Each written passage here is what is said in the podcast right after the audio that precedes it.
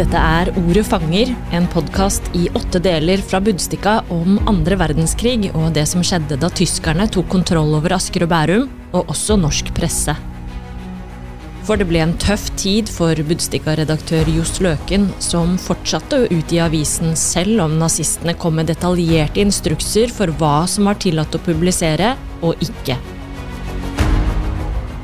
Du skal også få høre historier om menneskene som sto imot nazistene, de som led og de som overlevde. Historieforteller er Dag Otter Johansen, og dette er første episode om århundrets nyhet.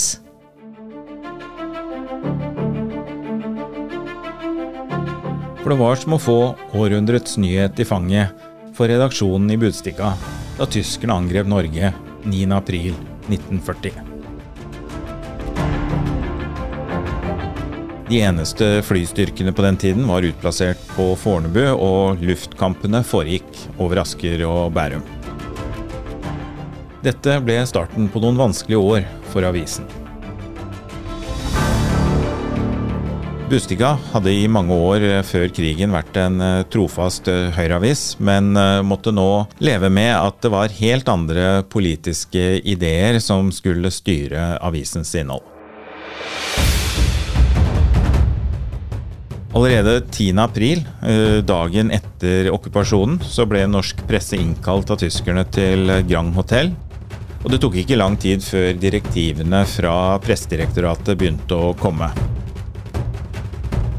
Her fortalte tyskerne i klartekst hva de godtok at eh, pressen skrev, og hva de ikke fikk skrive. Men også hva de krevde at eh, avisene satte på trykk. For Bustikas del så dro det seg virkelig til i 1942, da nazistene krevde at eh, propagandalederen i Stor-Oslo NS, Ørnulf Myklestad, skulle inn i Bustikas eh, redaksjon. Men først, la oss starte med begynnelsen, om lokalavisen i Asker og Bærum. For det hele startet i 1898 og den aller første utgaven av Asker og Bærums Budstikke ble utgitt 10.12. det året, med Jørgen Kanitz som redaktør. 20 år og to redaktører senere, i 1918, så var det Johs Løken fra Slepen som tok over sjefsstolen.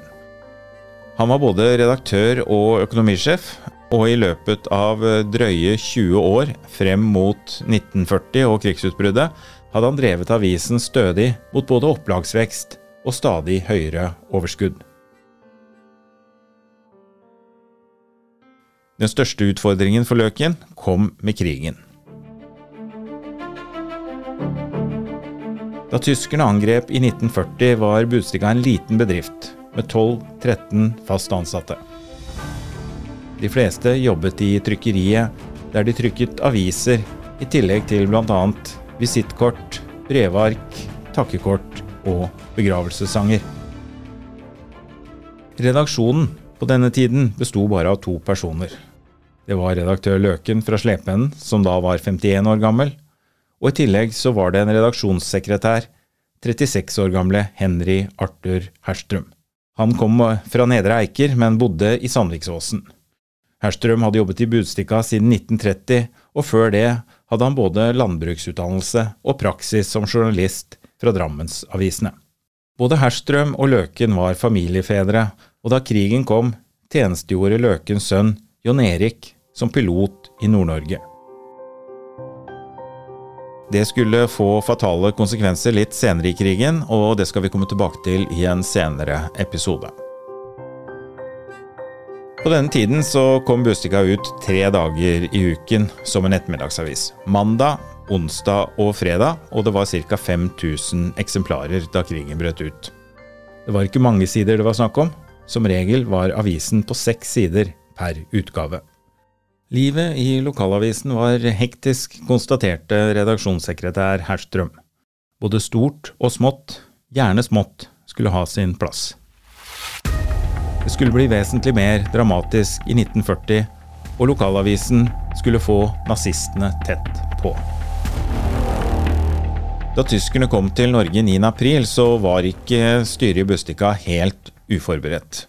Allerede en måned tidligere så hadde de begynt å forberede seg på krig. De mente at eh, kjelleren i bygården der avisen holdt til i Sandvika, mest sannsynlig var et av de tryggeste oppholdsrommene som fantes her. Og kjelleren skulle kunne tåle både splinter og kanskje også bomber.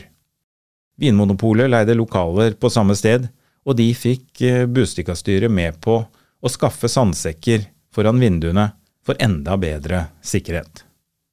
Som en annen forberedelse hadde styret også gitt alle de fast ansatte i Bustika 8% lønnsøkning, som en støtte i en tid da prisene stadig gikk opp. 9. april på ettermiddagen, mens kampene foregikk over Asker og Bærum, så gikk redaksjonssekretær Henry Arthur Herstrøm på gata i Sandvika. Over hodet hans da så fløy det tyske fly. Eh, det var bombemaskiner og jagerfly, og det var kraftige motorer som både bråket og surra, slik eh, Herstrøm beskrev det selv i avisen dagen etter. Men han understreket også at det likevel ikke var noen panikk blant folk. De sto stort sett rolig og så på, og ingen, i hvert fall svært få, søkte skjul under kamphandlingene. Og det er spesielt når vi hører hvor dramatiske disse kampene var.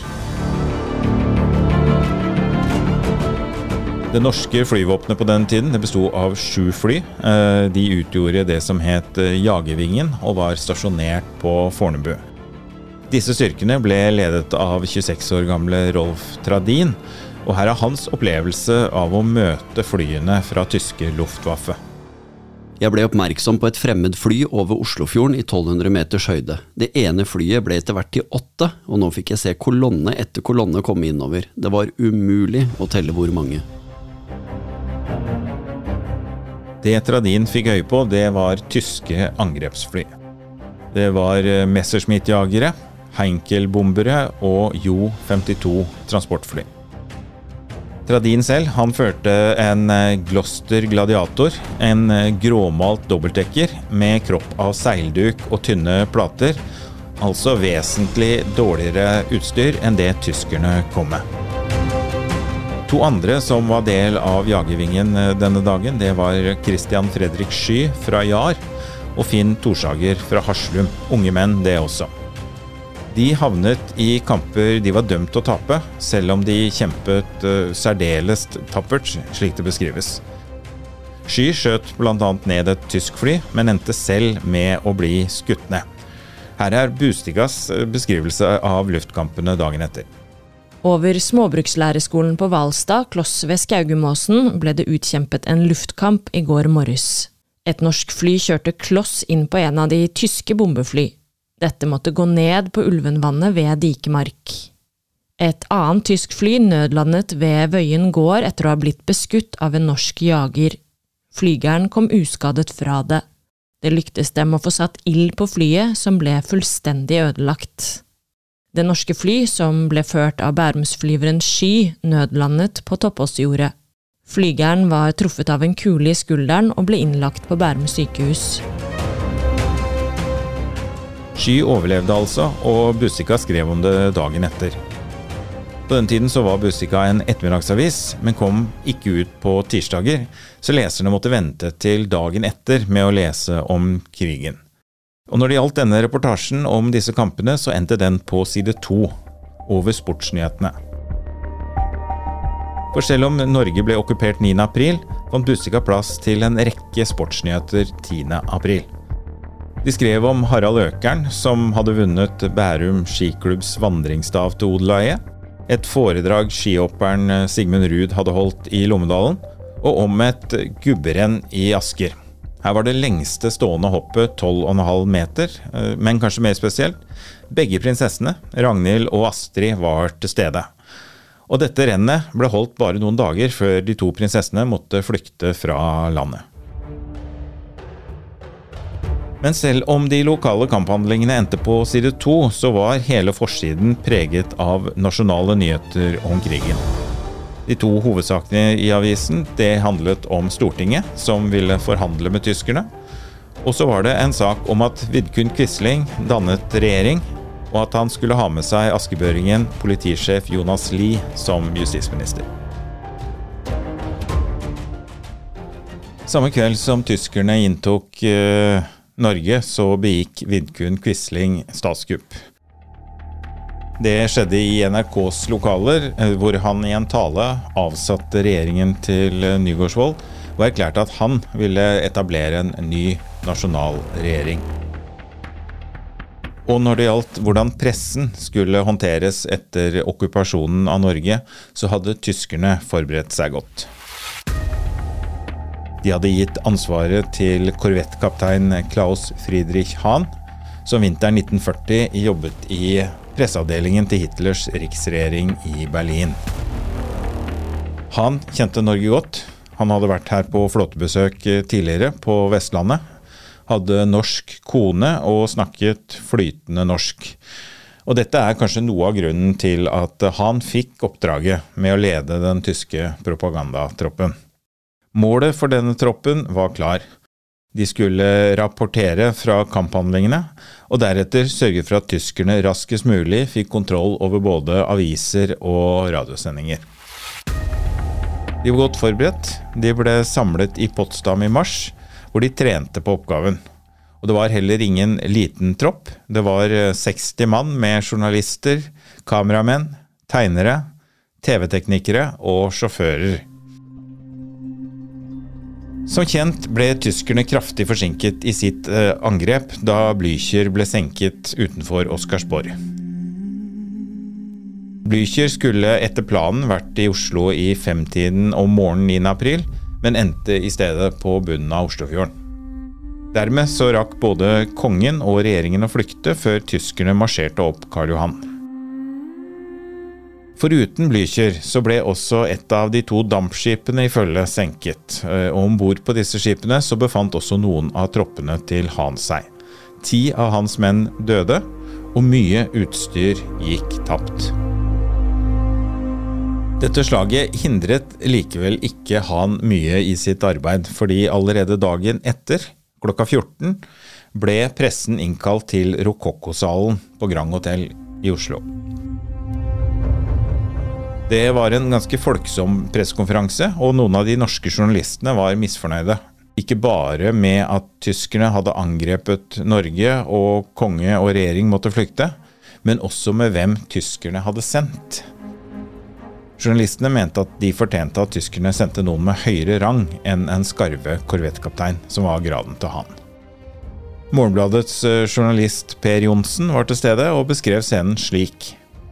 Blankpussa jernbeslåtte støvler smalt i parketten, det var en mildest talt underlig og blandet stemning, Makt og prakt og presisjon, men også en viss usikkerhet som lå i lufta, og som ikke ble mindre da det viste seg at en ung marineoffiser var mannen som skulle si de første ord til hovedstadens presse. I Rokokkosalen på Grang understreket Han til journalistene at det ikke var snakk om eh, sensur fra tyskernes side, men gjensidig tillit, som han kalte det. Pressen skulle få noen militære grunnsetninger som de kunne få støtte seg til. Og disse grunnsetningene de kom i skriftlig versjon noen dager etter, og gjaldt også Bustika. Avisene skulle fortsatt få komme ut på samme måte som før tyskerne overtok landet, men de kunne ikke skrive noe som motarbeidet den tyske militærmakten.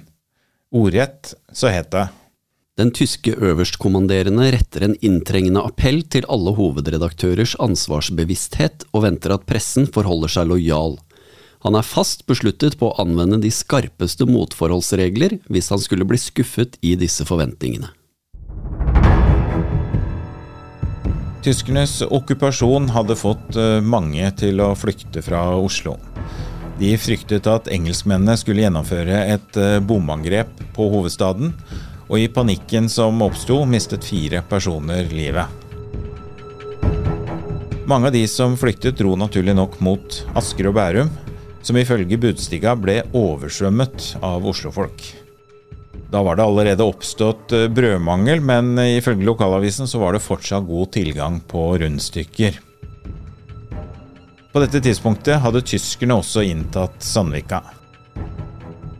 Det sto vaktstyrker i sentrum, og tyske tropper hadde overnattet på yrkesskolen og middelskolen. Dette kunne jo vært et naturlig oppslag på førstesiden 12.4, men endte som en liten notis nederst på side to. Og toppsaken?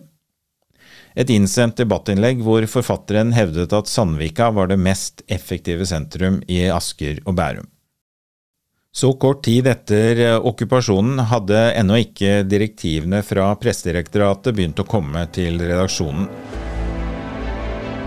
Styret i Bustika skjønte likevel raskt at krigen ville prege avisen, og 13. april var de samlet til sitt første møte. I møteprotokollen ble det bare referert til én enkeltsak. Avisen skulle reduseres til to utgivelser i uken og til fire siders avis, så lenge det fantes penger.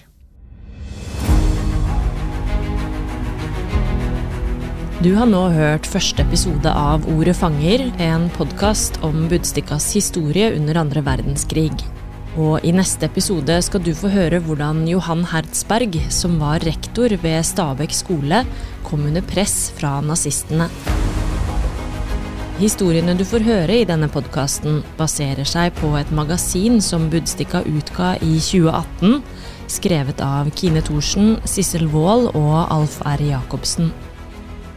I det arbeidet ble Budstikkas eget avisarkiv brukt, i tillegg til en rekke nasjonale og lokale arkiver og andre skriftlige og muntlige kilder. Tekstene til denne episoden ble bearbeidet og lest av Dag Otter Johansen, Morten Øverby og meg, Ingvild Vedrus, som også har produsert denne podkasten. Konstituert ansvarlig redaktør er Anniken Renslo Sandvik.